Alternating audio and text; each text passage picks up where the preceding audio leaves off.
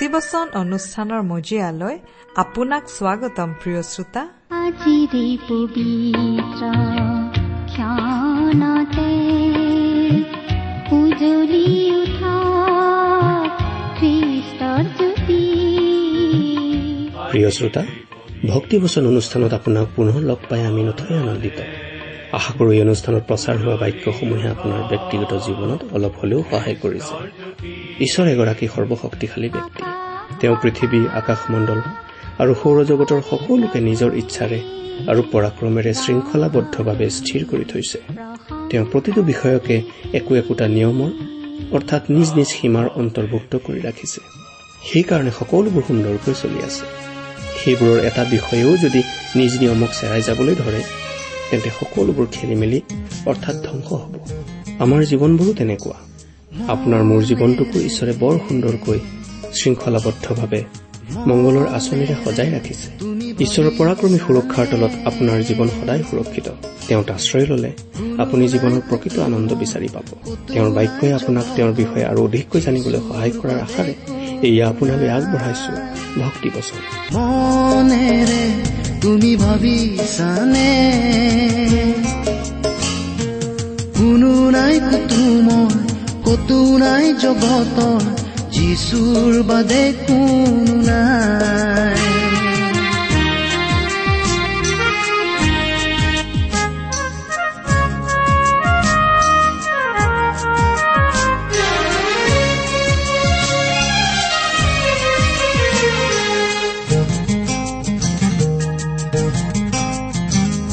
তেজৰ তানে নাৰাখে কাকো প্ৰেমৰ ভাষা নুবুজে কোনো নুশুনে কোনো ইয়াৰ কান্দোন নুবুজে চকুলোৰ কোনোৱে মূল কাহত তোমাৰ যিচুৰ বাদে কোনো নাই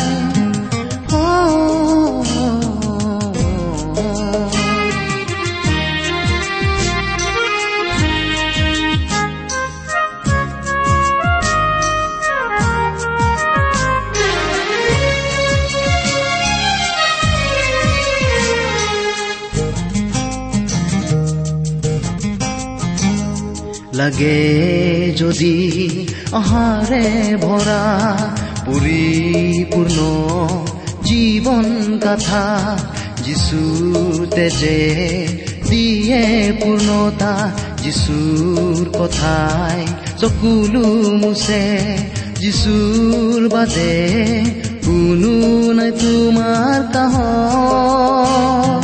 মনেৰে তুমি ভাবিছানে? আমাৰ পৰম পবিত্ৰ প্ৰভু যীশুখ্ৰীষ্টৰ নামত নমস্কাৰ প্ৰিয় শ্ৰোতা। আশা কৰো মহান পিতা পৰমেশ্বৰৰ মহান অনুগ্ৰহত আপুনি ভালে কুশলে আছে। লগতে এই বুলিও আশা কৰিছো যে আপুনি আমাৰ এই ভক্তিবচন অনুষ্ঠানটো নিয়মিতভাৱে শুনি আছে। প্ৰিয় শ্ৰোতা এই অনুষ্ঠান শুনি আপুনি কেনে পাইছে আমালৈ চিঠি লিখি জনাবচোন। আপোনালোকৰ পৰা চিঠি পত্ৰ পাবলৈ আমি আগ্ৰহেৰে বাট চাওঁ। আমাৰ যোগাযোগৰ ঠিকনাটো হয়তো আপোনাৰ মনত আছে। আহকচোন আজিৰ বাইবেল অধ্যয়ন আৰম্ভ কৰাৰ আগতে খন্তেক প্ৰাৰ্থনাত মূৰ দুৱাওঁ। স্বৰ্গত থকা অসীম দয়ালু পিতৃ ঈশ্বৰ তোমাৰ মহান নামৰ ধন্যবাদ কৰো। তুমি মহান তুমি কৰুণাময় তুমি অনুগ্ৰহৰ আকৰ। তোমাৰ অনুগ্ৰহতেই আজি আমি প্ৰভু যীশুত বিশ্বাস কৰি পৰিত্ৰাণ পাব পৰা হৈছো তোমাক পিতৃ বুলি মাতিব পৰা হৈছো। তুমি আমালৈ যিমান অনুগ্ৰহ দেখুৱাইছা তাৰ বাবে তোমাক ধন্যবাদ দি আমি শেষ কৰিব নোৱাৰো। এতিয়া প্ৰাৰ্থনা কৰিছো তোমাৰ মহান বাক্য বাইবেল শাস্ত্ৰৰ যোগেৰে তুমি আমাক কথা কোৱা। তোমাৰ মাত আমাক শুনিবলৈ দিয়া। কিয়নো এই প্ৰাৰ্থনা আমাৰ মহান ত্ৰাণকৰ্তা প্ৰভু যীশুখ্ৰীষ্টৰ নামত আগবঢ়াইছো। আহমেন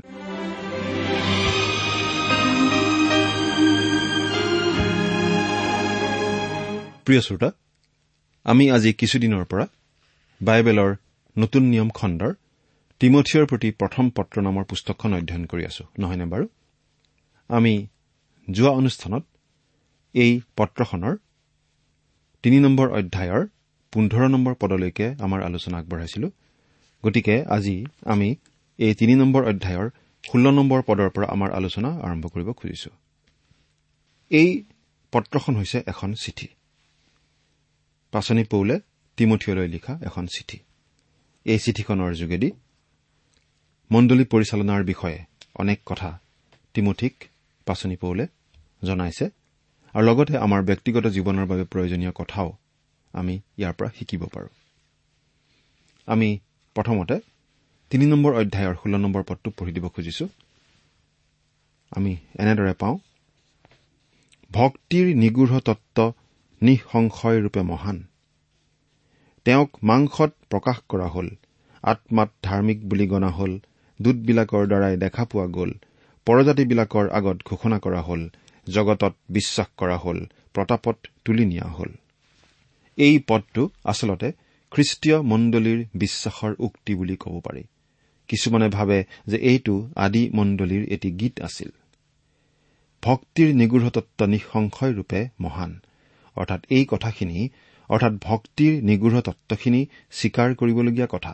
কোনো সন্দেহ নোহোৱাকৈ স্বীকাৰ কৰিবলগা কথা যে এইখিনি অতি মহান কথা। এই নিগৃঢ় তত্ব অতি মহান এই কথা সকলোৱে আজি স্বীকাৰ কৰা উচিত। ভক্তিৰ নিগৃঢ় তত্বনো কি? সেই নিগৃঢ় তত্ব এইয়ে যে ঈশ্বৰে প্ৰভু যীশুখ্ৰীষ্টৰূপে এই পৃথিৱীলৈ আহিল। সকলো মানৱৰ সকলো পাপৰ বেচ দিলে অৰ্থাৎ পাপৰ শাস্তি মানৱৰ হৈ নিজে ললে আৰু তেওঁ আজি মানৱক ধাৰ্মিক বুলি পৰিগণিত কৰিব পাৰে। ঈশ্বৰৰ সদৃশ আৰু ঈশ্বৰৰ প্ৰিয় পাত্ৰ আৰু গ্ৰহণযোগ্য কৰিব পাৰে। সেই নিগৃঢ়তত্ব এতিয়া আমি এটা এটাকৈ চাম। তেওঁ মাংসত প্ৰকাশিত হল। পৌলে নিঃসন্দেহে প্ৰভু যীশুৱে কুমাৰী মৰিয়মৰ গৰ্ভত জন্মগ্ৰহণ কৰি মানুহ ৰূপ লোৱাৰ কথাটো ইয়াত কৈছে। কিন্তু লগতে ইয়াত এই কথাটো প্ৰকাশ পাইছে যে মানৱ ৰূপে জন্ম লোৱাৰ আগৰ পৰাই খ্ৰীষ্ট আছিল তেওঁ আছিল আত্মাৰূপেৰে। তেওঁ ঈশ্বৰ ৰূপত আছিল। এই আত্মাৰূপী ঈশ্বৰ যিজনক মানুহৰ চকুৰে দেখা পোৱা নাযায় সেই আত্মাৰূপী ঈশ্বৰ খ্ৰীষ্টৰূপে প্ৰকাশ হল দৃশ্যমান হল মাংসিক ৰূপ ধাৰণ কৰিলে।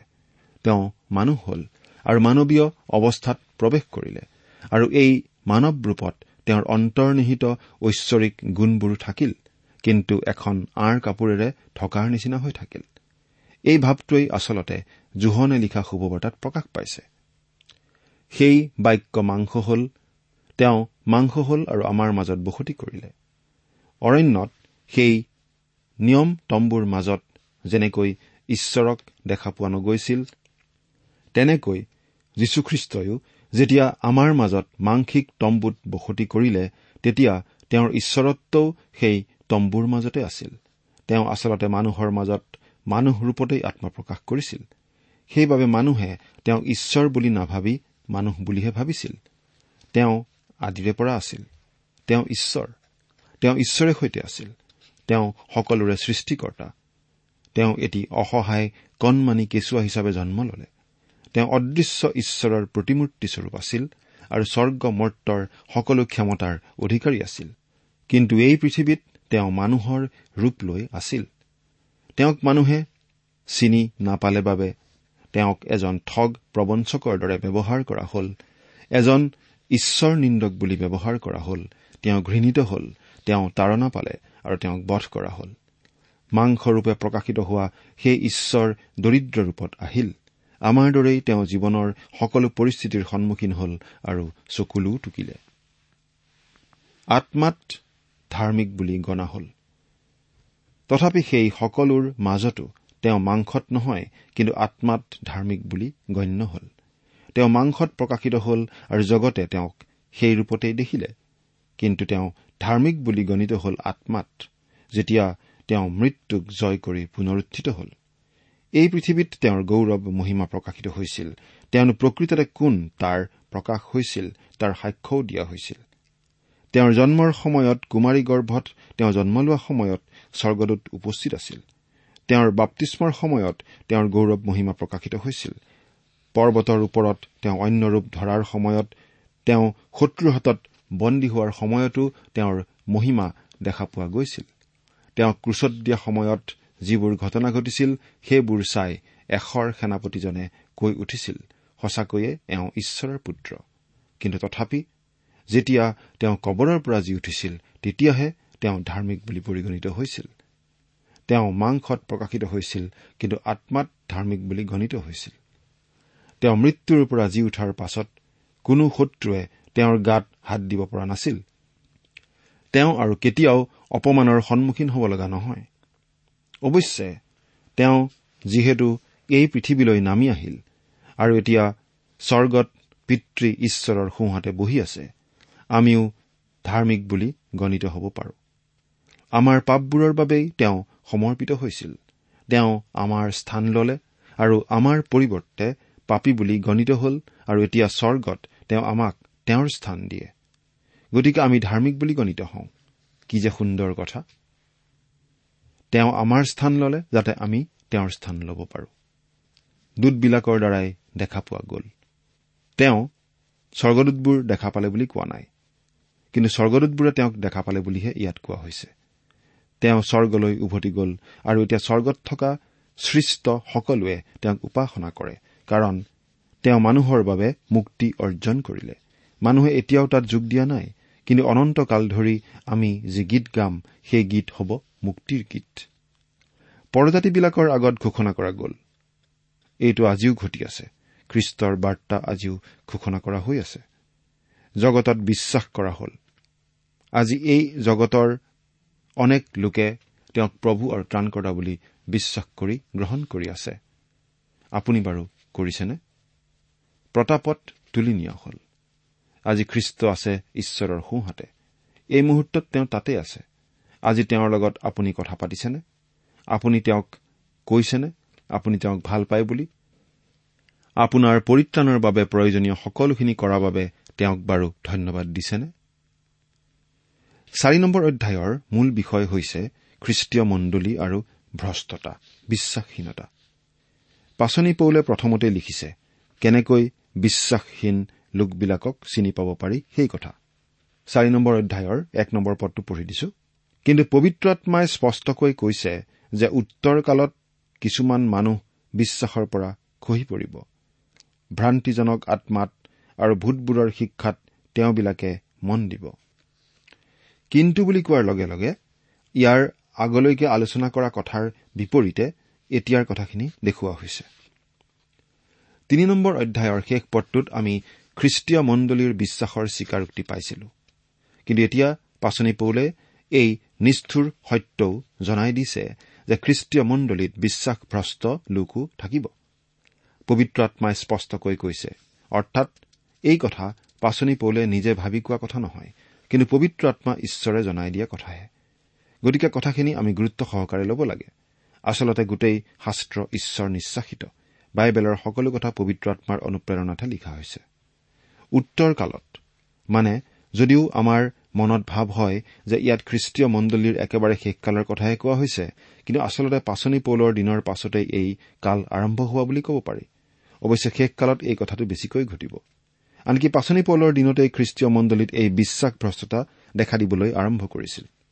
আপোনাৰ নিশ্চয় মনত আছে যে পৌলে ইফিচত থাকোতে খ্ৰীষ্টীয় বিশ্বাসীসকলক সাৱধান কৰি দিছিল যে ভেড়াৰ বেশত ৰাং কুকুৰবোৰ আহি বিশ্বাসীসকলক ভুলাব আৰু প্ৰতাৰিত কৰিব। পাচনি জোহনে কৈছে এতিয়াই খ্ৰীষ্টাৰী অনেক ওলাল বুলি। অৰ্থাৎ সেই সময়তেই খ্ৰীষ্টাৰী ওলাইছিল আৰু খ্ৰীষ্টীয় মণ্ডলীক ভুল কথা শিকাব ধৰিছিল। প্ৰথম মহান মণ্ডলীটো আছিল আফ্ৰিকাৰ কপ্তিক মণ্ডলী। এই মণ্ডলী আন মণ্ডলীবোৰতকৈ আগবঢ়া আছিল। উত্তৰ আফ্ৰিকাই আদি মণ্ডলীৰ কিছুমান মহান সাধুৰ জন্ম দিছিল। আগষ্টিন টাৰ্টুলিয় এথানাছিয়াছ ইত্যাদি। কিন্তু সেই মণ্ডলীও কালক্ৰমত বিশ্বাসহীনতাত ভুগি বিশ্বাসৰ পৰাই খহি পৰিছিল। ইয়াত যেতিয়া পৌলে উত্তৰ কালৰ কথা কৈছে। তেওঁ খ্ৰীষ্টৰ দ্বিতীয় আগমনৰ কথা মনলৈ আনি কথাখিনি কোৱা নাই। কিন্তু দ্বিতীয় তিমঠীয় পুস্তকত তেওঁ হলে এনেদৰে কৈছে। দ্বিতীয় তিমঠীয় তিনি অধ্যায় এক নম্বৰ পদত কিন্তু শেষকালত ভয়ংকৰ সময় উপস্থিত হ'ব ইয়াকে জানিবা। তেতিয়া কিন্তু এই পৃথিৱীৰ পৰা খ্ৰীষ্টীয় মণ্ডলীক খ্ৰীষ্টই উঠাই লৈ যোৱাৰ ঠিক আগৰ কালচোৱাক বুজাইছে। কিন্তু ইয়াত পৌলে উত্তৰকাল বুলি কওঁতে আমাৰ বৰ্তমানৰ সময়ক বুজাইছে। গতিকে আজি আমাৰ মণ্ডলীৰ বাবে বিশেষ সাৱধানবাণী তেওঁ ইয়াত আমাক শুনাই দিছে। কিছুমান মানুহ বিশ্বাসৰ পৰা খহি পৰিব। অৰ্থাৎ পৌলে আমাক এই বুলি সাৱধান কৰি দিছে যে কিছুমান ভুৱা শিক্ষকৰ দ্বাৰা অনেক মানুহ বিপথে পৰিচালিত হ'ব। মানুহ বিশ্বাসৰ পথৰ পৰা আঁতৰি যাব। পাচনি পৌলে দ্বিতীয় থিচলনিকীয়া দুই নম্বৰ অধ্যায়তো এনেকুৱা বিশ্বাসভ্ৰষ্টতা যে আহিব সেই কথা লিখিছিল। আচলতে এনে বিশ্বাসভ্ৰষ্টতাৰ বিষয়টো খ্ৰীষ্টীয় মণ্ডলীত বহুদিনৰ পৰাই আছে আৰু থাকিব। গতিকে শেষৰ কালত এইটো একো নতুন কথা নহ'ব। অৱশ্যে এই বিশ্বাসহীনতা আৰু বিশ্বাসভ্ৰষ্টতা দিনে দিনে বাঢ়ি আহিছে আৰু বাঢ়ি থাকিব। আৰু যেতিয়া খ্ৰীষ্টই এই পৃথিৱীৰ পৰা খ্ৰীষ্টীয় বিশ্বাসীসকলক উঠাই লৈ যাব তেতিয়া পৃথিৱীত থাকি যাব কেৱল বিশ্বাসহীন আৰু বিশ্বাসভ্ৰষ্ট মানুহেৰে গঠিত মণ্ডলী। ইয়াত খহি পৰা বুলি যে কোৱা হৈছে ইংৰাজীত আছে ডিপাৰ্ট বুলি অৰ্থাৎ আঁতৰি যোৱা। গ্ৰীক শব্দটো হৈছে এপিষ্টেমি আৰু তাৰ অৰ্থটো হৈছে আঁতৰত থিয় হোৱা। অৰ্থাৎ আমি কোনো এঠাইত যোৱাৰ লগতে কোনো এটা ঠাইৰ পৰা আঁতৰ হৈ অহাটোও বুজায়। অৰ্থাৎ বিশ্বাসৰ পৰা খহি পৰা লোকসকলে এসময়ত বিশ্বাসত থকা বুলি চিনাকি দিছিল। কিন্তু এতিয়া সেই বিশ্বাসৰ পৰা আঁতৰি আহিল। আন বিশ্বাসৰ ক্ষেত্ৰত আমি এই কথাটো ক'ব নোৱাৰো কাৰণ তেওঁলোক আগতেও আন বিশ্বাসতেই আছিল। গতিকে তেওঁলোক বিশ্বাসৰ পৰা খহি পৰা নহয় কিন্তু আগৰ পৰাই বিশ্বাসহীনতাত থকা লোক আছিল। কিন্তু যিসকল লোক এসময়ত প্ৰকৃত খ্ৰীষ্টীয় বিশ্বাসত আছিল কিন্তু এতিয়া তাৰ পৰা আঁতৰি আহিছে সেইসকল লোকৰ ক্ষেত্ৰতে এই বিশ্বাসৰ পৰা খহি পৰা কথাটো খাটে। আন বিশ্বাসত থকাসকলে কেতিয়াও খ্ৰীষ্টক ত্ৰাণকৰ্তা বুলি স্বীকাৰ কৰা নাই খ্ৰীষ্টক গ্ৰহণ কৰা নাই হয়তো বহুতে খ্ৰীষ্টৰ বিষয়ে শুনাই নাই। ভ্ৰান্তিজনক আত্মাত আৰু ভূতবোৰৰ শিক্ষাত তেওঁলোকে মন দিব। সেই লোকবোৰ যে বিশ্বাসৰ পৰা খহি পৰিল তাৰ বাবে দায়ী কোন? তেওঁলোকক কিহে বিশ্বাসৰ পৰা খহি পৰাত সহায় কৰিলে? তেওঁলোক সুশিক্ষিত হোৱা বাবে অধিক জ্ঞানৱন্ত হোৱা কাৰণে নেকি? নে বিজ্ঞানৰ নতুন নতুন প্ৰগতি আৰু জ্ঞানৰ বিস্ফোৰণে তেওঁলোকক বিশ্বাসৰ স্থানত থিৰে থকাটো সম্ভৱ কৰি তুলিলে? নাই। তেনে কোনো কাৰণ নহয়। পৌলে কৈছে কিছুমান লোক বিশ্বাসৰ পৰা খহি পৰিব ভ্ৰান্তিজনক আত্মাৰ শিক্ষাত মন দিয়া কাৰণে। ভ্ৰান্তিজনক শব্দটোৰ ঠাইত আমি ইংৰাজীত পাওঁ চিডিউচিং শব্দটো। ইয়াৰ অৰ্থ হৈছে ইফালে সিফালে ঘূৰি ফুৰা উৰি ফুৰা অঘৰি ঠগ অথবা মাংসিকভাৱে আবেদন জনোৱা। আচলতে ছয়তান এনেকুৱাই। অৰ্থাৎ সেই মানুহবোৰে ছয়তানৰ আত্মাবোৰৰ কথালৈ কাণ দিব বাবে বিশ্বাসৰ পৰা খহি পৰিব। ভূতবোৰৰ শিক্ষা। মানুহবোৰে ভূতবোৰৰ শিক্ষালৈ দিব। আমি এই কথা মানি ল'বই লাগিব যে আজি মানুহৰ মাজত ছয়তানৰ কাৰ্যকলাপ বাঢ়ি গৈছে আৰু ছয়তানৰ আত্মাবোৰৰ প্ৰতি মানুহৰ আকৰ্ষণো দিনে দিনে বাঢ়ি গৈ আছে। বিভিন্ন ধৰণৰ কাৰ্যকলাপত মানুহ লিপ্ত হৈছে যিবোৰ আচলতে ছয়তানৰহে কাম। খ্ৰীষ্টীয় বিশ্বাসীসকলক এই বুলিও কোৱা হৈছে প্ৰথম জোহন চাৰি নম্বৰ অধ্যায়ৰ এক নম্বৰ পদত হে প্ৰিয়বিলাক তোমালোকে সকলো আত্মাত বিশ্বাস নকৰিবা। কিন্তু সেইবিলাক ঈশ্বৰৰ হয় নে নহয় তাক জানিবৰ কাৰণে আত্মাবিলাকৰ পৰীক্ষা কৰা কাৰণ অনেক ভাৰী কোৱা ভাৱবাদী জগতত ওলাল। আমি কিহৰ ভিত্তিত পৰীক্ষা কৰি চোৱা উচিত? যোৱা অনুষ্ঠানত আলোচনা কৰি অহা বিশ্বাসৰ স্বীকাৰোক্তিৰ আধাৰত। আমি বিশ্বাসৰ স্বীকাৰোক্তিৰ আধাৰতেই কোনবোৰ আত্মা ঈশ্বৰৰ হয় কোনবোৰ নহয় সেই কথা পৰীক্ষা কৰি চাব পাৰো। পৰিত্ৰাণৰ একমাত্ৰ পথ হৈছে খ্ৰীষ্টৰ ক্ৰুচীয় মৃত্যুৰ দ্বাৰা। আৰু আমি এই বিশ্বাসৰ তত্ববোৰৰ যোগেদি আজি ছয়তানৰ তত্ববোৰ পৰীক্ষা কৰি চাব পাৰো। আমি ছয়তানৰ আৰু তাৰ লগৰীয়াবোৰৰ বিষয়ে অধ্যয়ন কৰি সময় খৰচ কৰাতকৈ ঈশ্বৰৰ প্ৰকৃত তত্ব কি সেইখিনি ভালদৰে বুজি মনত ৰখা উচিত। তেতিয়া আমি যিকোনো ভুল তত্ব সহজে চিনি পাব পাৰিম। আচলতে বাইবেলে মূলতঃ দুটা কথা কৈছে যাৰ ভিত্তিত আমি ছয়তানৰ তত্ব চিনি পাব পাৰো। যীশুখ্ৰীষ্ট যে ঈশ্বৰ আৰু মানুহৰূপে জন্ম ললে সেইটো প্ৰথম কথা। দ্বিতীয়তে তেওঁ ক্ৰুচত আমাৰ হকে মৃত্যুবৰণ কৰি আমালৈ যি পৰিত্ৰাণ সাধিলে সেই কথা বিশ্বাস কৰি তেওঁক গ্ৰহণ কৰাৰ দ্বাৰা আমি ধাৰ্মিক বুলি গণিত হওঁ। এই দুটা কথা স্পষ্টভাৱে বিশ্বাস নকৰা বা এই দুটা কথাৰ গুৰুত্ব নোহোৱা কৰি দিয়া যিকোনো মতবাদকেই আমি খ্ৰীষ্টীয় মণ্ডলীত স্থান দিব নালাগে। এতিয়া চাৰি নম্বৰ অধ্যায়ৰ দুই নম্বৰ পদটো পঢ়িছো। যিবিলাকৰ নিজ বিবেক টপত লোৰে দাগ দিয়া হল এনে মিছলীয়াবিলাকৰ কপটৰ দ্বাৰাই এইয়ে ঘটিব। এই বিশ্বাসভ্ৰষ্ট লোক সকলোৱেই অতি ধাৰ্মিক আৰু পবিত্ৰ দেখুৱায়। আচলতে আমি যেতিয়াই এনেকুৱা অতিপাত ধাৰ্মিক ধাৰ্মিক দেখুওৱা মানুহ লগ পাওঁ তেতিয়াই অলপ সাৱধান হ'ব লাগে। কথা বতৰা খোজ কাটল সকলোতে আনতকৈ বেছি ধাৰ্মিক ভাৱ দেখুৱাব খোজা এনে লোকবোৰ বেছিভাগ ক্ষেত্ৰতেই ভুৱা বুলি প্ৰমাণিত হৈ আহিছে।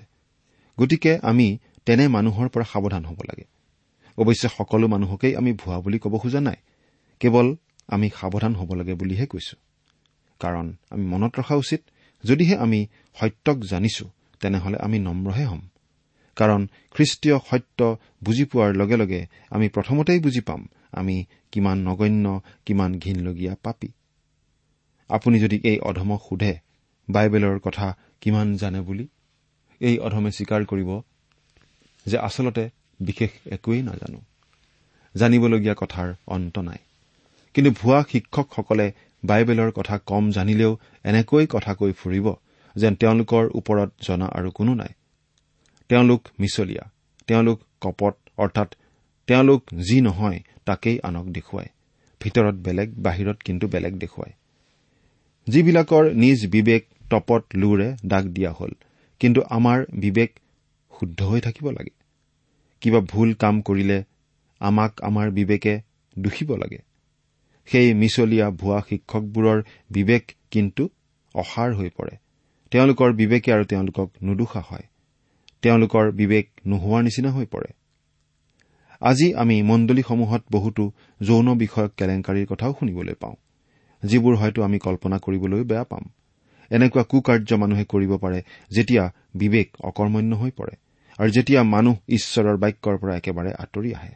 ঈশ্বৰৰ পৰিকল্পনা আৰু আঁচনিত এইটো অতি প্ৰয়োজনীয় যে মণ্ডলীয়ে এটা শুদ্ধ বিবেক বজাই ৰাখিব লাগে। তিনি নম্বৰ পদ। সেই মিছলীয়াবিলাকে বিয়া কৰিবলৈ নিষেধ কৰে আৰু বিশ্বাস কৰা আৰু সত্যক জনাবিলাকে ধন্যবাদেৰে সৈতে গ্ৰাহ্য কৰিবলৈ যি যি খোৱা দ্ৰব্য ঈশ্বৰে সৃজিলে তাৰ পৰা পৃথকে থাকিবলৈ আজ্ঞা দিয়ে। আনকি আমাৰ প্ৰভু যীশুখ্ৰীষ্টৰ দিনতেই বহুতো মানুহে যিহুদী বিশ্বাসৰ পৰা আঁতৰি গৈ আন ধৰণৰ মতবাদ গ্ৰহণ কৰিব ধৰিছিল। গতিকে এইটো নতুন কথা নহয়। এইটো আগৰ পৰাই চলি অহা এটা প্ৰক্ৰিয়া। বিয়া কৰাবলৈ নিষেধ কৰে। যীশুখ্ৰীষ্টৰ দিনত মৰু সাগৰৰ পাৰৰ অঞ্চলত এদল লোক আছিল। তেওঁলোকক এছ এন এছ বোলা হৈছিল। তেওঁলোকৰ পৰাই বিখ্যাত ডেড চি স্ক্ৰল বোলা পুথিৰ নোৰা পোৱা গৈছিল। যেতিয়া খ্ৰীষ্টীয় বিশ্বাস আহিল বহুতে হয়তো পলেষ্টীয়া মণ্ডলীত যোগ দিছিল আৰু সেই মণ্ডলীৰ বহুতো ভুৱা মতবাদৰ জন্ম দিছিল। তেনেকুৱা এটা মতবাদেই হৈছে বিয়া কৰোৱাত নিষেধাজ্ঞা আৰোপ কৰা মতবাদ।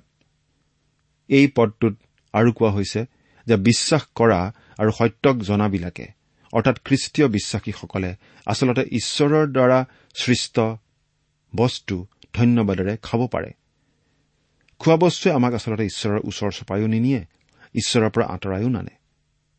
কোনোবাই যদি খাব পাৰে আৰু ঘীন নকৰে তেনেহলে তেওঁ যি ভাল পায় খাব পাৰে। কিন্তু সেই ভুৱা মতবাদৰ মানুহবোৰে খোৱা বোৱাৰ ক্ষেত্ৰত নানা ধৰণৰ বিধি নিষেধ আৰোপ কৰিছিল।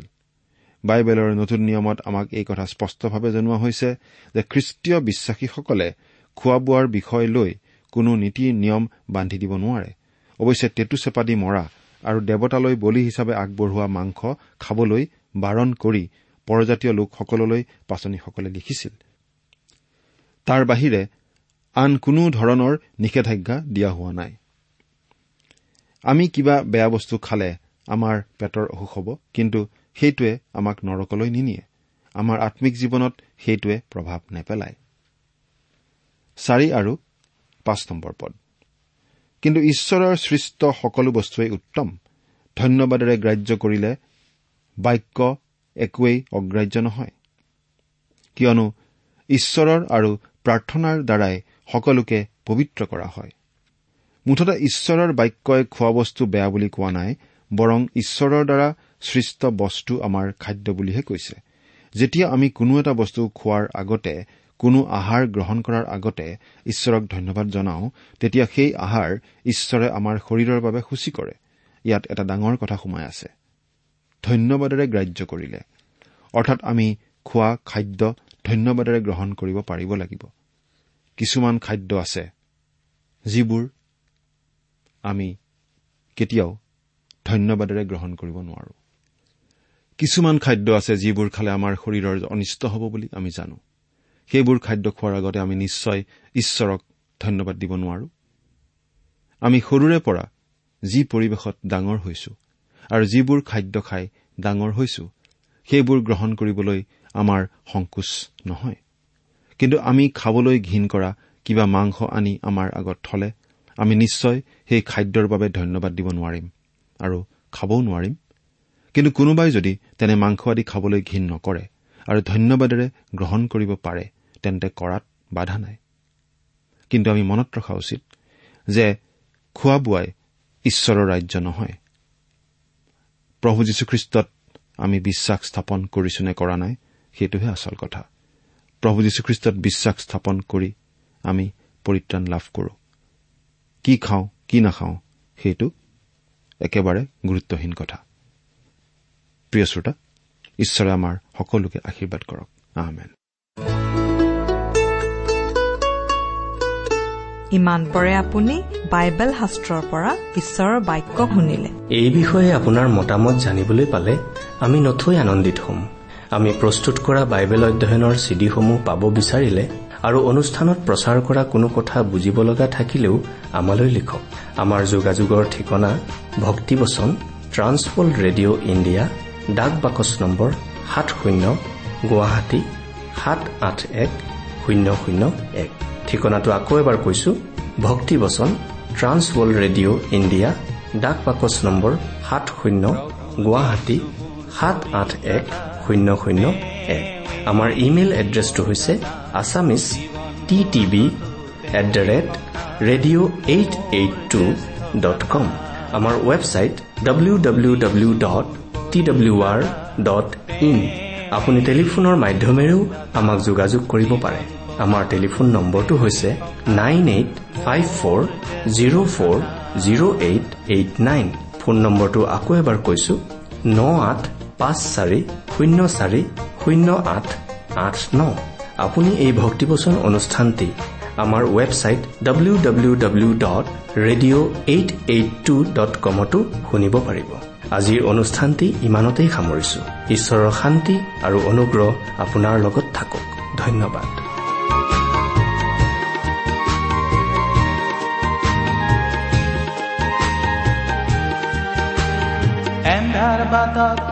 পোহৰ দিয়ে। পিছল বাটত মোক ধৰি নিয়ে এন্ধাৰ বাটত মোক পোহৰ দিয়ে পিছল বাটত মোক ধৰি নিয়ে মোৰ জ্যেষ্ঠ ভাতা এন্ধাৰ বাটত মোক পোহৰ দিয়ে পিছল বাটত মোক